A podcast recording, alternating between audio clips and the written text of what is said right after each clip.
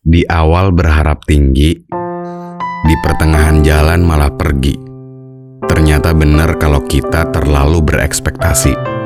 Kadang bisa ngebunuh diri kita sendiri. Mungkin ada sih yang sampai jadi, tapi giliran kita cuman stuck di satu sisi.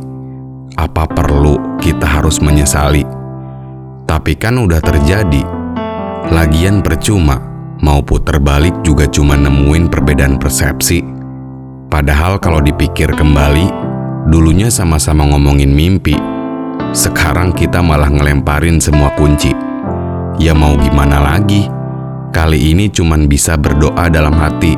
Semoga yang pergi gak ngelakuin hal yang sama dua kali dan yang tersakiti gak lagi merawat benci.